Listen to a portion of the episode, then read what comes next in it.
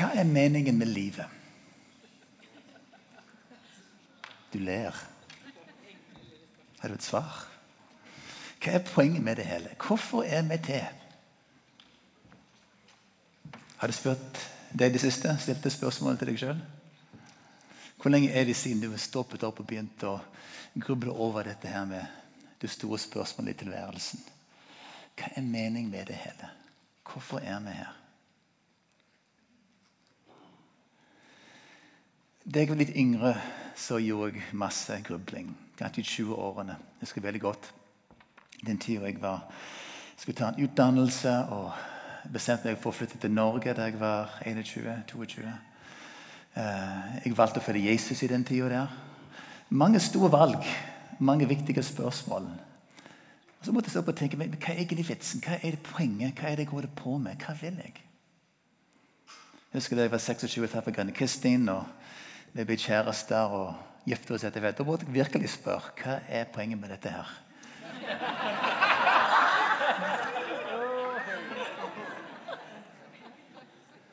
Jeg husker godt min, min 40-årskrise. Jeg, vi, vi, tok et år fri og reiste til USA. Eh, bestemte, eh, vi bestemte oss mens vi var der borte, at jeg skulle se opp jobben min i symfoniorkesteret og begynne å jobbe i kirka. Da var det mye grubling og spørsmål. Hvorfor? Det er kanskje mange som kommer til den fase i livet rundt 40 år og begynner å stå opp og tenke er jeg på rett spor. Gjør jeg det som, som er riktig? Er det noe annet som ligger der? Nå kjenner jeg eh, at det er lenge siden jeg har stilt de spørsmålene. Men kanskje jeg burde begynne å stille dem på nytt? Nå, på fredag fyller jeg 60 år, og kanskje det er tid for en sånn 60-års oppgjør her. Er jeg på rett spor fortsatt? Gjør jeg det som jeg skal gjøre? Hva vil jeg bruke resten av min tid til? Jeg tror de aller fleste av oss har en tanke på hva som er mening med livet. Hva er det viktige? Hva er hensikten med det? Det er ikke alltid like bevisste vi står på å snakke om det og tenker på det. Men når vi har viktige valg, da kommer det fram. For vi, vi tar ikke valg i løs luft. Sånn. Skal jeg gifte meg? Altså, Hvilken jobb skal jeg ta? Nei, vi har et eller annet som ligger der. Noe som er imprintert i oss. der. Sant? Hva er det vi egentlig holder på med her? Hva vil jeg med livet? Hva er det store bildet? Og Jeg vet ikke hvorfor dere tenker på det, men jeg tenker i alle fall i kveld skal vi ta, stoppe litt opp og bruke tid til å se på dette. her. Ta dere på en liten reise inn i disse spørsmålene. For jeg tror nemlig at vi har godt av alle sammen av og til å stoppe opp og tenke på egentlig hva er meningen med livet. Ikke fordi det er et svar å få, men nettopp ved å stille det spørsmålet kan vi sikre oss på at vi er på rett spor. At vi er den veien vi skal gå. Hvis du spør folk flest, så vil de si at det er opp til hver enkelt å finne mening med sitt liv. Jeg googlet litt i går kveld.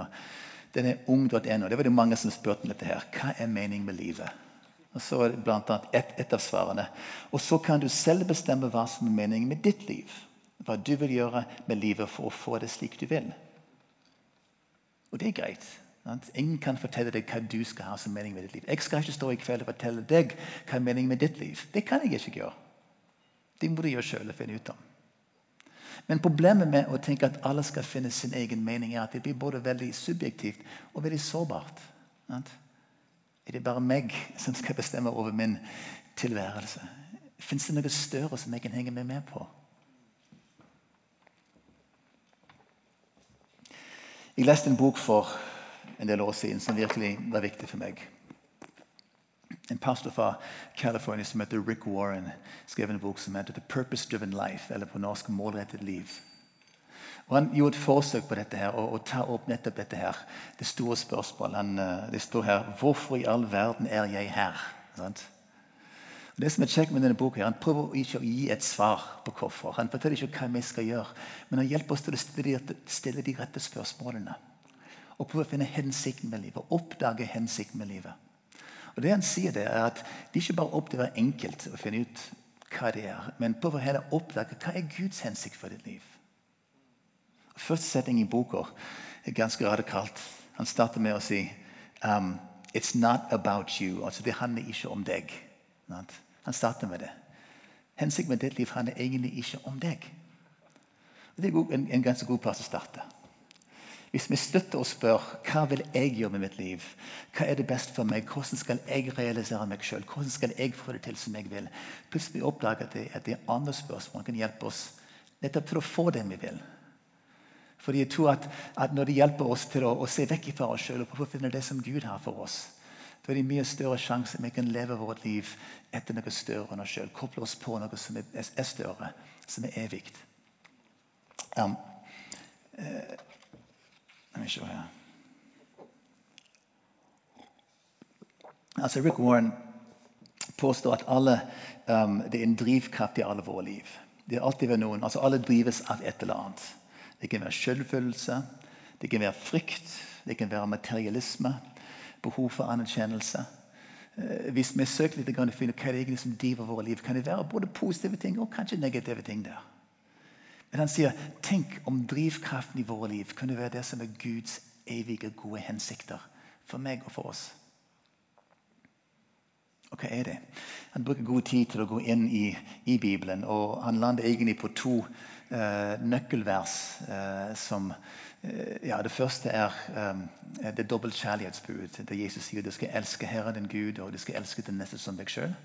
Også misjonsbefalingen. Jesus sier gå og gjør folkeslag av alle folk. Gå og gjør disipler av alle folkeslag i det dere døper dem og lærer dem å holde alt jeg har befalt dere. Og Ut ifra disse her to bibelvers så har han på fem hensikter som han mener er, er i Guds ord som forteller oss hva Guds hensikt er med våre liv. Det er det samme hensikten som um, ja, Nå står jeg og blokkerer skjermen her for dere. Det hjelper ikke noe særlig. Um, altså, impuls Kan jeg si det? Nei, drit i. Ikke det skulle være der oppe. Altså, Vår ungdomsbevegelse Impuls har brukt disse fem uh, hensikter. Ja, nå må jeg si det. Gjør sånn det her.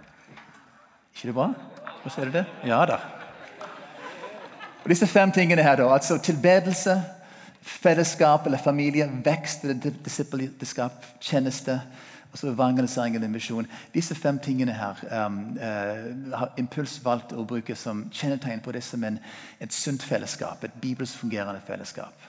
Og det samme i min kirke også. Vi har brukt disse fem tingene for å kunne si er, vi, er det det som vi, vi driver vår mening ut ifra. Er det det som er de hensikter som vi har i våre liv? Og uh, Ja, det er nok det. Imi Kirke ble jo inspirert av dette her og jobber i sin tid mye på dette med å finne ut ok, men hva er egentlig vår visjon. Hva vil vi som menighet?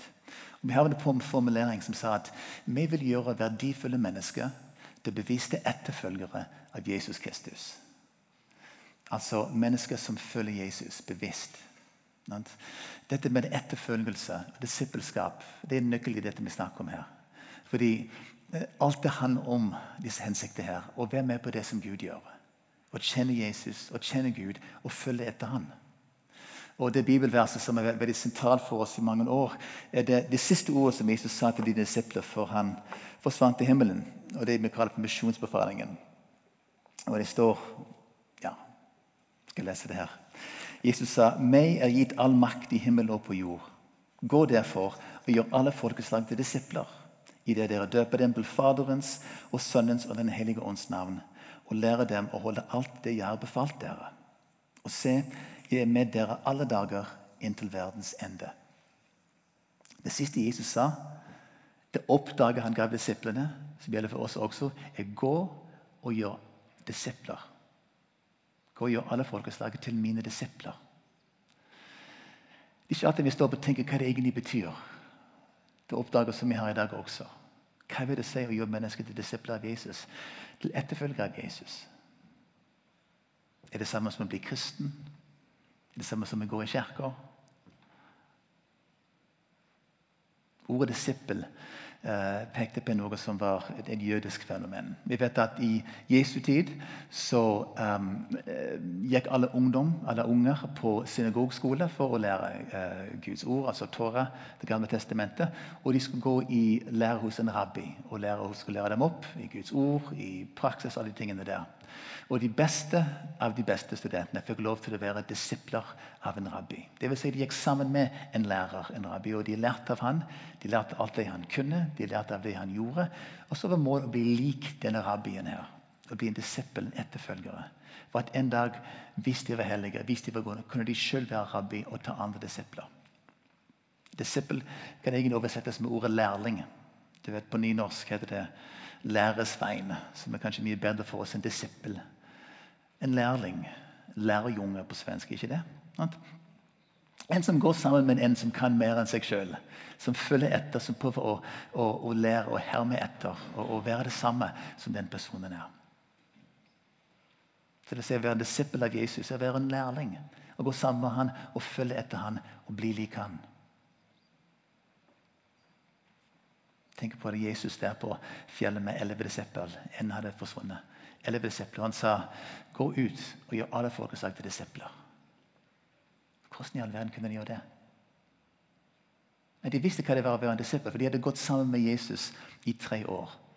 De hadde gått sammen med han og lært av han. Og nå skulle de gjøre det samme med alle mennesker som han hadde gjort med dem. De skulle lære dem også om Jesus om hans ord, alt han lærte dem. De skulle dyppe dem inn i familien. De skulle bli en del av fellesskapet.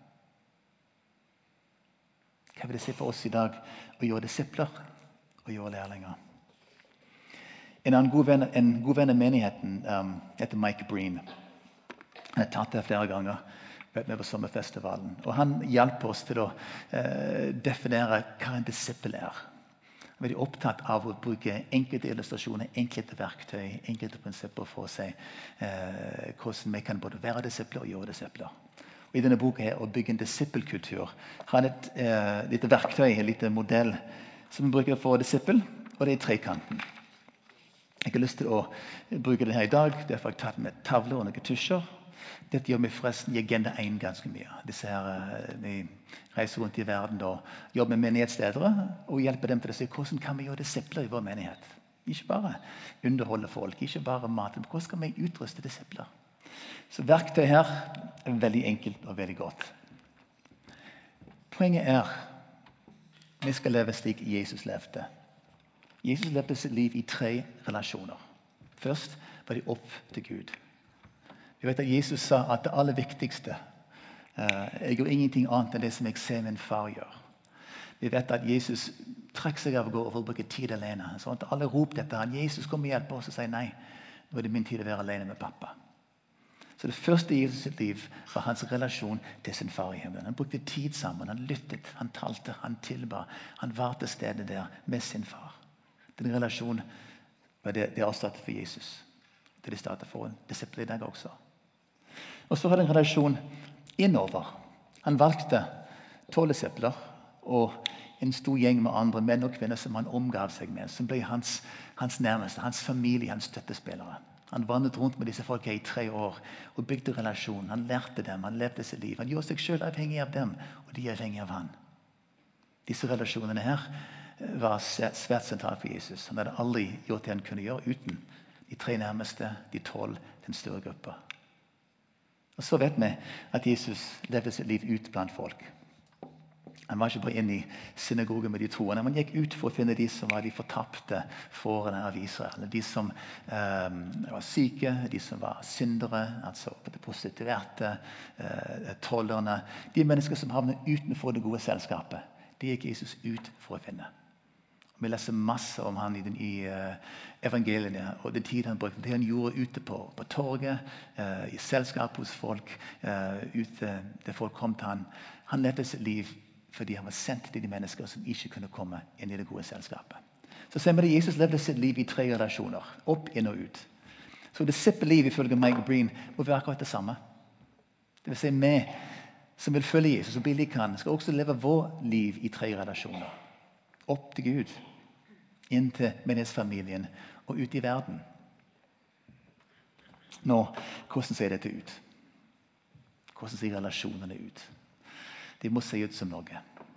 Det må være praksiser og ting vi gjør. Så jeg bruker den som hånd som en illustrasjon på det. Hvis vi tenker opp relasjonen til Gud, hvordan gjør vi det? Vi ber. Vi leser Guds ord. Vi bruker tid sammen med Vi kan både tale til han og lytte til det han sier til oss.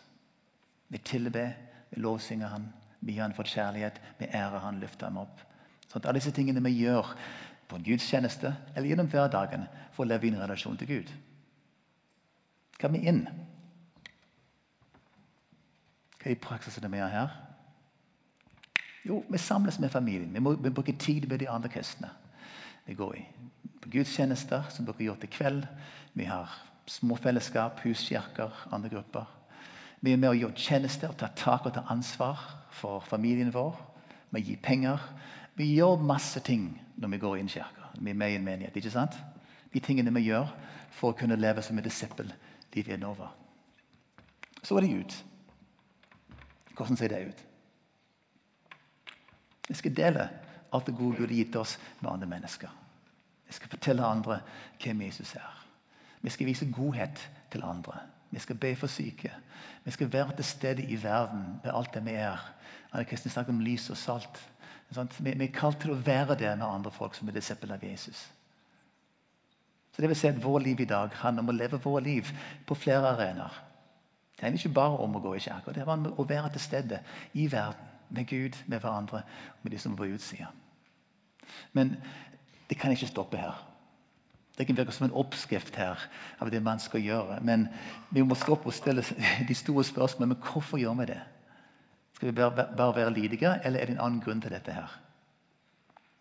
Hvis vi trenger litt dyp inn i dette, her, så ser vi at på hver retning her kan vi snakke om vår identitet. Hvem vi er. Hvem er vi i relasjon til Gud? Vi er barn. Vi er sønner. Vi er døtre. Vi er elsket. Akkurat pga. det vi er. Skapt i Guds bilde. Stemmer ikke det? Relasjonen starter med det som han gjorde for oss, ikke med det som er gjort mot han. Jeg vet at Ingenting av det vi gjør, kan gjøre oss fortjent til hans kjærlighet. Han bare elsker oss. Han elsket oss før verden ble skapt. For så høyt elsket Gud verden at han gav sin sønn den Så før Jesus kom til jorden, elsker Jesus deg. Jesus elsket Gud deg. Han elsket meg. Den kjærlighet er evig. Det ligger der uansett. Så før vi var født, elsket han oss. Ingenting vi gjør, kan fortjene den kjærligheten. Det starter med at vi er Guds barn. Han har elsket oss først. Det forteller oss hvem vi er. Hva vi innover? Hva er vår identitet her?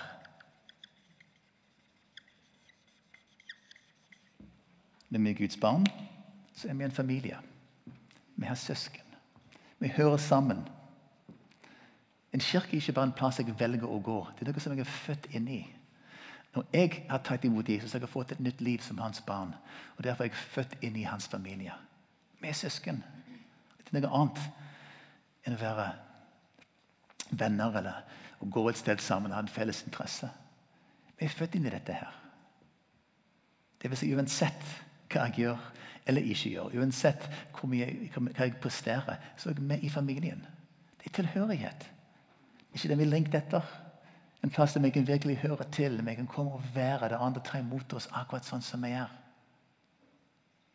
Det er målet, det er drømmen.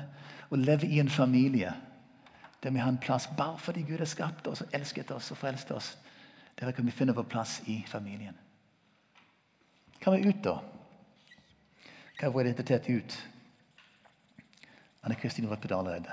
Vi kan lese fra Matteus 5, der begynnelsen av bergpreken, der Jesus sier at uh, dere er jordens salt.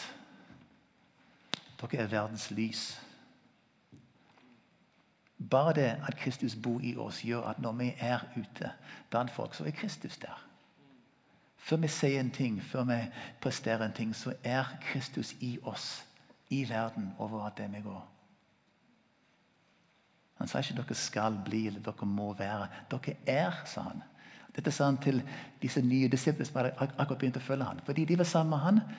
Jesus sa 'Jeg er verdens lys'. Og du er sammen med meg, så er du verdens lys. Hva er konsekvensen av dette her? Veldig ofte så handler det kristne livet, disippellivet, om alt det vi skal gjøre. Vi må lese Bibelen, vi må be, vi må gå i kirka, vi må dele evangeliet. Det blir et pes, det blir et krav, det blir lov. Sant? Vi skal heller tenke, Men det starter her inne. Det starter med det jeg er, det jeg er født til å være, det jeg er skapt til å være. Jeg er Guds barn. Gud elsker meg. Derfor vil jeg bruke tid med Han. Lese Hans ord, be til Han, tilbe. Jeg er født i din familie. Derfor vil jeg bruke den tid og ta ansvar for mine søsken. Møte med dem, tjene, gi mine penger. Sant? Fordi jeg er med. Det er for min familie. Klart jeg tar ansvar. Klart jeg er med. Og så overalt det jeg går i verden. Jeg trenger ikke å krave med dette her og, og gå ut og prestere masse ting. Overalt det jeg går, jeg bare lar Jesus lyse gjennom meg, så er jeg vitne. Så kan folk smake Guds godhet gjennom meg. Se Guds lys gjennom meg og mitt liv. Ser du det? Hvis det starter her, da kommer det. Hvis vi vet hvem vi er, da vil vi leve et liv etter det. Og om vi får det til som vi vil, eller ikke får det til som vi vil, det er ikke det som er vesentlig. Det er ikke vår prestasjon som gjør oss til disippel. Det er vår identitet. Dette har jeg jobbet lenge med. Det kan høres lettvint ut, men det er ikke det. Jeg fortalte dere at jeg er musiker. ikke sant? Jeg, I mange år gikk jeg og lærte og øvde og ble flinke til å kunne spille. Så en dag vil jeg kanskje kunne nå opp og bli en profesjonell musiker. Få en jobb i et symfoniorkester. Jeg jobbet knallhardt, og jeg fikk det til. Jeg var knallstolt. Jeg var god, jeg var dyktig. Jeg var knalldyktig. Jeg var en av de beste slagverkene i Norge på den tid. Men mitt problem var at alt jeg gjorde, ble målt. Sant? Det var en prestasjon. Jeg måtte holde meg på høyden. For jeg visste at de andre hørte meg hvis ikke de gjorde det like bra. Og, og, du kan si at Jeg kunne sammenligne meg selv med 98% av slagverkene i Norge. og vet det var langt bedre enn de. Men hvem tror det at jeg sammenligner meg selv med? Ja, Kanskje 1 som er bedre enn meg. Sant? Ikke naturlig. Vi vil alltid sammenligne oss selv med andre. Og tenke jeg er ikke like god. Skal bli bedre. Han er flinkere. Søren òg. Og det er klart, når, når jeg ble kristen, så tok jeg med meg dette mindset inn i livet med Gud. Gikk på, på gudstjenester, på møter og hørte folk tale om hvordan de bar i mange timer hver dag. og Jeg kunne sitere Bibelen ut og inn. Og, sånt, og disse kristelige folka på det kanten, jeg kan aldri nå opp til dem. Sant? De er så flinke. De vet så mye. Så jeg prøvde, jeg prøvde å lese Bibelen og så prøvde å be og sovne. Jeg prøvde ikke til til søren. Så, så alltid ville jeg sammenligne meg selv med andre. Så det, det ble mas for meg, dette her. Bønn og Bibel. Det var ikke en glede, det var en mas. Det var, det var et pliktløp for meg. Sto ikke alltid, men veldig ofte var det det. Å være ærlig. Og tenk hvis det var galt, hva med dette her? Jeg er ikke en evangelist. Jeg synes Det er flaut å snakke med folk om Jesus. Sant? Jeg, liker ikke å gå ut og banke på dører og dele traktater eller stå på torget. Vi gjorde masse sånne ting i gamle dager i min kirke i Stavanger Indremisjon. Vi var veldig evangelisk og skulle ut og gjøre disse tingene. her. Og Jeg var med, jeg var lydig. Jeg likte det ikke. Det var ikke meg. Og det er klart, Jeg hadde forferdelig dårlig samvittighet. For Jeg burde absolutt stikke av disse folk som ikke kjenner Jesus, som går til helvete. sånn at Jeg bryr meg ikke om dem, og brukte mer tid med dem og skulle evangelisert, og folk på jobben. og hva sånn.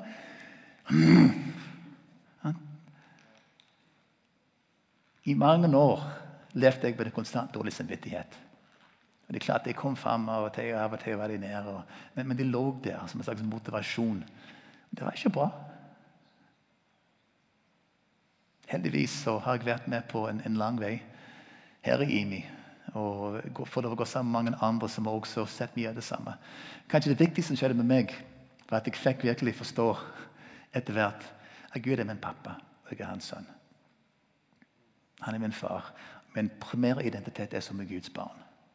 Og Dette over lang tid begynte å gå inn til jeg begynte å forstå at ok, nå det betyr faktisk at jeg trenger ikke å gjøre noe som helst for å, å fortjene det. Husker en gang jeg skulle reise vekk. Da vi jobbet i Imekirken, måtte vi ha to ganger i året da vi reiste vekk på stille dager. Og Så kom jeg ned på Sørlandet, satte opp teltet, flott plass. Det var i juli. og Jeg skulle sitte ned og begynne å skrive, da, som jeg alltid gjør, sånne journaler. skrive bønn til Gud. Det første jeg gjorde, var å ned og sa, begynte å skrive Unnskyld, Gud. Jeg vet så lenge siden sist jeg har brukt mye tid med deg. Altså, det var nesten som en bombe som med meg. Som om Gud sa Jeg kunne ikke gjøre stemmen, men det var som om Gud sa Kutt ut med det tullet der. Hva er det du snakker om? Nå skal vi være sammen noen dager. Det første er å unnskylde at jeg ikke har vært sammen med deg i det siste. Bare kom og vær med meg. Ingen bebreidelse. Ingen sånn bok for å ta sånn karakter. Nei, kom og vær med meg.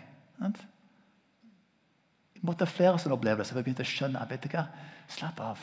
Det, jeg, jeg, ikke, jeg, jeg, trenger ikke lese Bibelen hver dag. Jeg trenger ikke be for Jeg vil det, men det er ikke det som er poenget. Poenget er å være sammen med Gud og bli kjent med min pappa. For han er så glad i meg.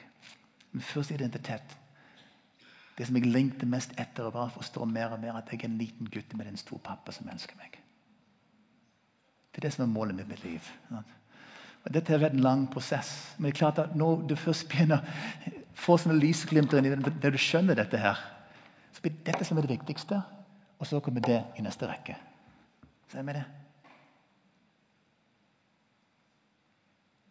Og så her. Takk og lov for godhet. Godhetsfestivalen. Det hjalp meg til å få et konkret at vi ikke kalte det å frelse verden, vi kalte det å elske verden. Vi kalte det å vise Guds godhet Guds kjærlighet til mennesker som ikke kjenner Han. Vi skal ikke bare ut og snakke om Han. Vi skal vise folk hvem Jesus er, gjennom våre liv. Gjennom vår godhet, gjennom vår kjærlighet. Sant? Lys og salt. Det er så mange ting vi kan gjøre for å forandre denne verden. Det handler ikke bare om å evangelisere. Klart vi skal evangelisere, klart vi skal fordele folk om Jesus. Vi vil at alle skal eh, lære seg det når de kommer til Jesus og blir frelst. Klart vi vil det. Men det blir så fort et mas og et krav i den evangeliseringen som driver oss. Vi må ut og fortelle meg ut. Heldigvis har vi folk blant oss som elsker det, som gjør det. Vi skal ha flere evangelister. Slipp dem løs, heie på dem, gå med dem. Det er noen som bare på en naturlig måte elsker å snakke med andre om Jesus. Men hos andre 80-90% som ikke elsker det, vi må også kunne være gode med oss sjøl og fortelle oss vet du hva, jeg kan elske min nabo. Jeg kan være til stede i nabolaget. I stor familie. De passene der vi kommer i kontakt med folk som kjenner Jesus. Og jeg kan bare være den jeg er. Skapt til å være med dem. Og så ser vi den ene etter andre. Folk kommer og spør. Folk får et møte med noe som, som, endrer deres forståelse av hva Gud er, hvem Gud er, hvem vi kristne er. Og Så skjer det det ene etter andre. Folk som kommer til tro gjennom godhet, gjennom kjærlighet. Ja, vi skal evangelisere. Ja, vi skal dele ut traktater. Ja, vi skal det. Men hvis ikke vi kan elske verden rundt oss, hvorfor skal de da komme til Jesus?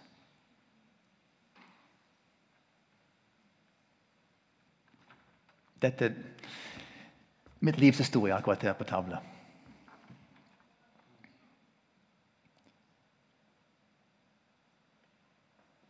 Jeg vil leve i relasjon.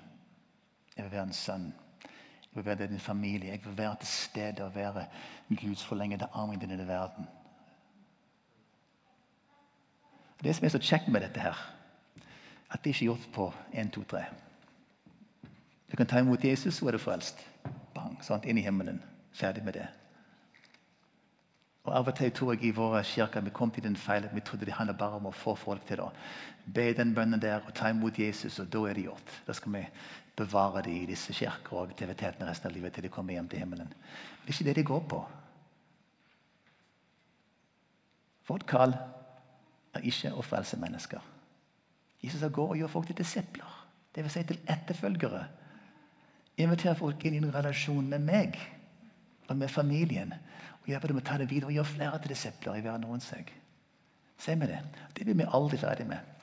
Ikke 60, ikke 70. Er det FN? Nei, ikke 80 heller. Sånn? Vi blir aldri ferdig med dette. Dette er snakk om, om liv, det er snakk om vekst. Og stadig vekk vokse i vår relasjon til Gud, bli bedre kjent med Han. Og stadig vekk bli bedre kjent med den familien og, og, og bygge og investere i flere mennesker og bli investert i sjøl. Stadig vekk komme enda mer forstå hva det vil si å være en Jesu etterfølger. Akkurat det jeg har plassert i den, det livet jeg har. For et liv!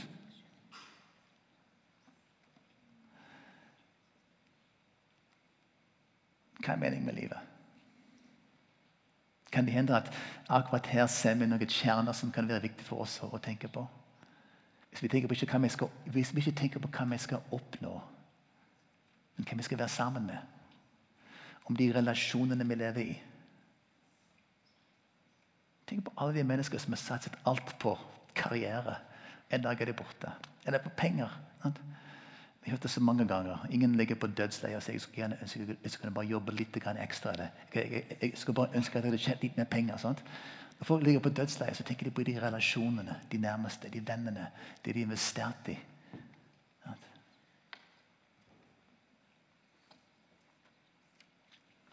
Vi tatt det ned fra fem hensikter til tre retninger her, tre relasjoner. Vi kan gjøre det enda enklere, faktisk. Hva handler dette egentlig om, hvis vi skal oppsummere det? Det handler om kjærlighet. Min kjærlighet til Gud. Han elsker meg. Jeg elsker han tilbake. Og Det handler om min kjærlighet til min neste. Da kommer jeg tilbake til det verset som er kanskje mer enn noe annet i Det nye testamentet, mer enn noe annet i Jesus' sin undervisning. Jeg kommer rett inn til kjernen av, av hva er hensikten, hva er vitsen, hva er poenget. Vi vet at det kom noen fariseere til han. Og du vet at Fariseerne var eksperten i loven. De hadde hundrevis av lov og regler som de skulle følge etter. De var flinke til det også. De var skikkelige kristelige, gode folk og gjorde de rette tingene. Sant? Du kan liste opp alle de lovene, og de skulle følge etter dem. Det var det som var poenget med deres liv. Hensikten med livet var å følge lovene. Men så kom en Jesus og spurte okay, av alle disse her hundrevis av lover, alle regler og bud, hva er det viktigste? Så sier Jesus Jeg kan få det på tavle, kan vi ikke det?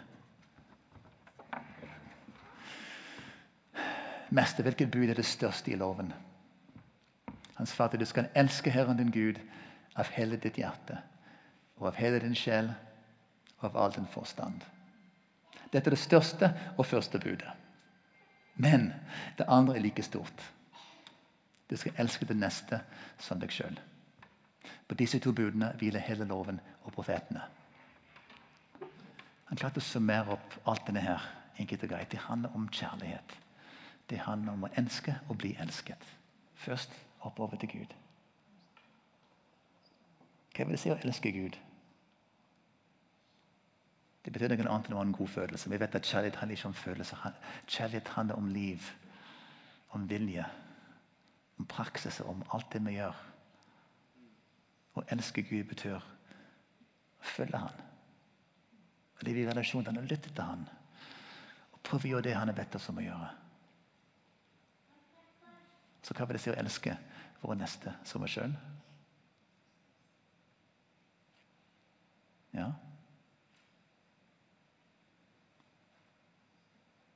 Det er utfordrende. Men vi blir aldri ferdig med det. De gir oss noe går stadig strekker oss etter. Familien, vi som er her. Hva betyr det å elske denne menigheten? De folk som vi går sammen med i min huskirke eller cellegruppe. Mine nærmeste. Hva betyr det å elske de som jeg møter på jobben? De i mitt nabolag, de som jeg går på skole med. Hvordan kan jeg ta den kjærligheten Gud har gitt meg, og gi det videre? For det er den kjærligheten der vi skal elske med. Vi skal elske andre med den kjærligheten som Gud har gitt oss. Det henger sammen.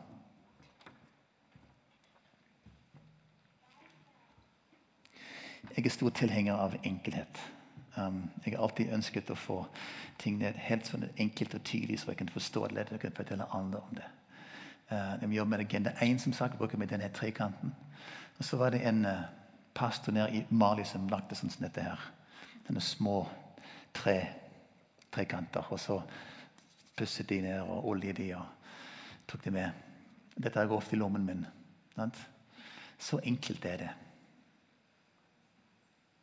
Vi er kalt til å leve våre liv i relasjon opp til Gud, inn til menigheten, ut til familien. Det handler om, om kjærlighet. Og det er helt klart, Livet er ikke enkelt, folkens. Det er ikke det jeg sier.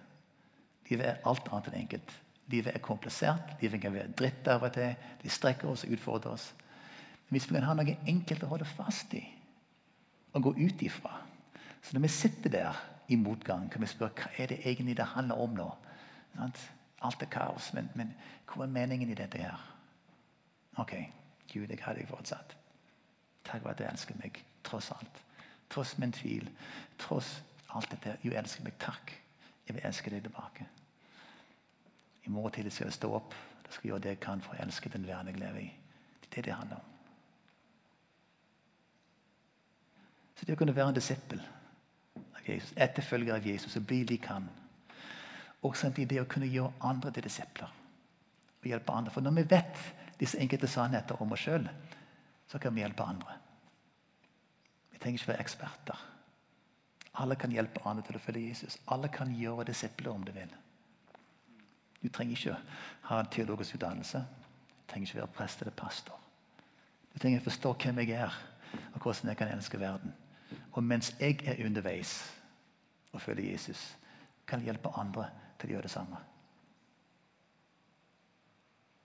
Ikke det som er poenget med menigheten vår her. Å hjelpe hverandre til å følge Jesus. Å hjelpe hverandre til å være lik han. Leve som han levde. Og forandre denne verden sånn som han gjorde det. Jeg skal ikke påstå at dette er svaret, dette er meningen med ditt liv. Men kanskje du kan bruke disse veldig enkelte prinsippene her. Disse tre retninger.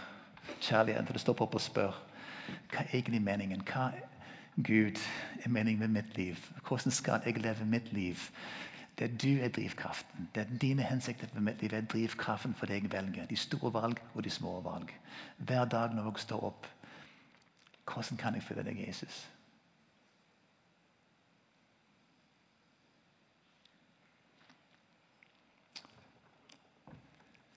Sist søndag hadde Terje en veldig fin tale jeg hørte på. Um, podcast. Takk. Og Han avslutter med å, å, be alle bare være stille og bruke litt tid i Guds nærvær. Bare åpne opp og si, 'Gud, kom, møt meg, tal til meg.' Vis meg det du vil. Og uh, Jeg skal ikke gjøre det samme i kveld, men det er veldig god praksis å ha. Bare bruke, Gud, bruke tid i Guds nærvær. Vet ikke, Vi har sikkert hver våre metoder. Jeg liker å ta på lovsangsmusikk og legge meg ned på sofaen eller gå tur eller være ute i naturen. Men stopp opp for bare la Gud være Gud i mitt liv. Ikke for å prestere noe som helst, bare for å ta imot. Men i kveld vil Gud få deg til å tenke litt mer på denne kjærligheten. Og bruke litt tid nå sammen til å tenke Gud, hvem er det du kaller meg til å elske?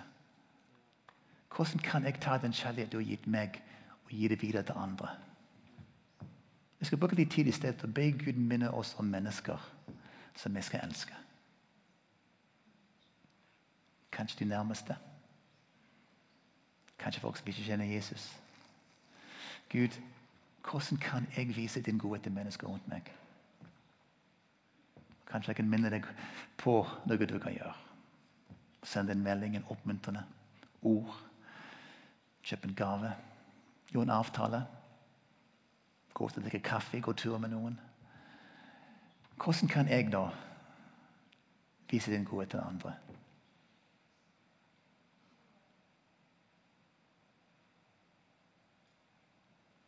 Tenk på hva mening det gir med livet når vi kan være med og velsigne andre.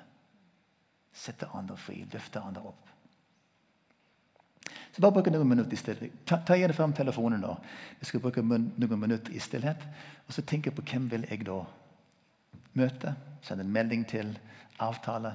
Hva kan jeg gjøre? Gud, minn på nå hvem jeg kan elske. Og Så noterer jeg det ned. Kanskje du kan sende en SMS eller en message mens du sitter her. Jeg skal bare be en bønn først. Far, takk for den enorme kjærlighet du har gitt til oss uten at vi fortjent det. Takk at det definerer hvem vi er. Din kjærlighet til oss. Vi kalles for dine barn, dine sønner og døtre. Og Gud, jeg bare ber deg nå at du skal vise oss hvordan vi kan ta denne kjærlighet og gi det videre. Gud, hvem er det du minner oss på? Hvem har du satt i våre vei? Hvem er de menneskene som vi kan vise kjærlighet til? Og Vise oss helt konkret hva vi kan gjøre, Gud. Minn oss på. Kom, Jesus, og tal til oss nå.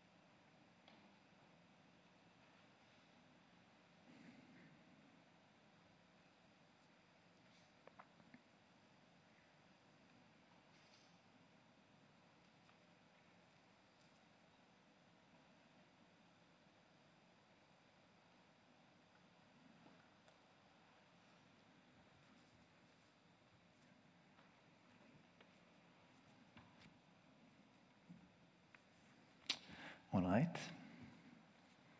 Hvis du har tenkt på et menneske nå mens vi var stille Det kan hende det er Gud som minner på det mennesket der. Det kan hende at Den hellige ånd har sagt noe nå. Ta kontakt med dem. Send et ord. Møt dem. Gi dem en gave. Jeg vet ikke hva det er. Men prøv det ut. Ta en sjanse. Da tar det og ikke glem det. Kanskje vi kan allerede, allerede gjøre noe nå i kveld. Send en melding. Men én ting til jeg har lyst til å gjøre for mye også i kveld. For Dette er disippellivet. sant? Ganske enkelt. Der vi har relasjon opp inn og ut. Vi er kalt til å være disipler, være etterfølger av Jesus. Vi er også kalt til å gjøre alle mennesker til etterfølger av Jesus. Og så tenk nå, Er det et menneske som jeg kan hjelpe til å vokse som en disippel? Er det et menneske jeg har lyst til å investere i? Som jeg kan hjelpe dem til å få tak i dette livet og vokse i den? Som sagt, Du trenger ikke være ekspert. Du trenger å være underveis. Og mens vi er underveis, kan vi hjelpe andre. Hvem er det som jeg kan hjelpe? Mine barn. Definitivt. Folk i familie. Gode venner. Altså, Du trenger ikke være en rabbi, men mens vi går, kan vi ta andre med oss underveis og hjelpe dem til å vokse. Da bruker litt mer tid i stedet og si Gud, minner du på noen nå som jeg skal gå sammen med? Noen andre som jeg kan hjelpe nå til å følge Jesus? Så kom nå Gud og minn oss enda en gang på dette. her. Er det et menneske eller flere mennesker som du vil at jeg skal investere i, bruke tid med og gå sammen med? Slik at både jeg og de kan vokse i relasjon til deg, Jesus. Bli dine etterfølgere. Kom Hellige Ånd og minn oss på de menneskene nå som du vil minne oss på.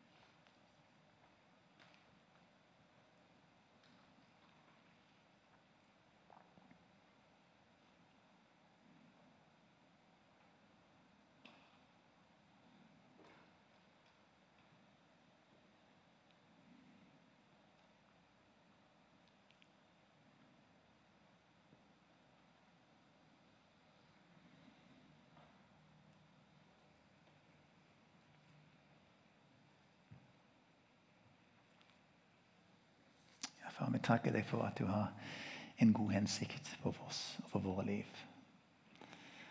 Takk at du ikke har latt oss være igjen som foreldreløse barn. Men du har kommet, og du går med oss, og du vil lede oss inn i gode ting, Gud. Takk, Jesus, at du kalte oss til å følge deg gjennom livet. Gjennom nye eventyrer. Gjennom både oppturer og nedturer. Men takk for at du har sagt at du er med oss alle dager inntil verdens ende. Jeg ber du skal hjelpe oss å gå ut herifra i kveld her med en ny forståelse, en ny bevissthet på at ja, det er en mening med mitt liv. Det er en hensikt, fordi du har skapt meg, du har skapt oss til å leve her i denne verden i relasjon til deg og til de mennesker du har plassert rundt oss. Takk, Herre.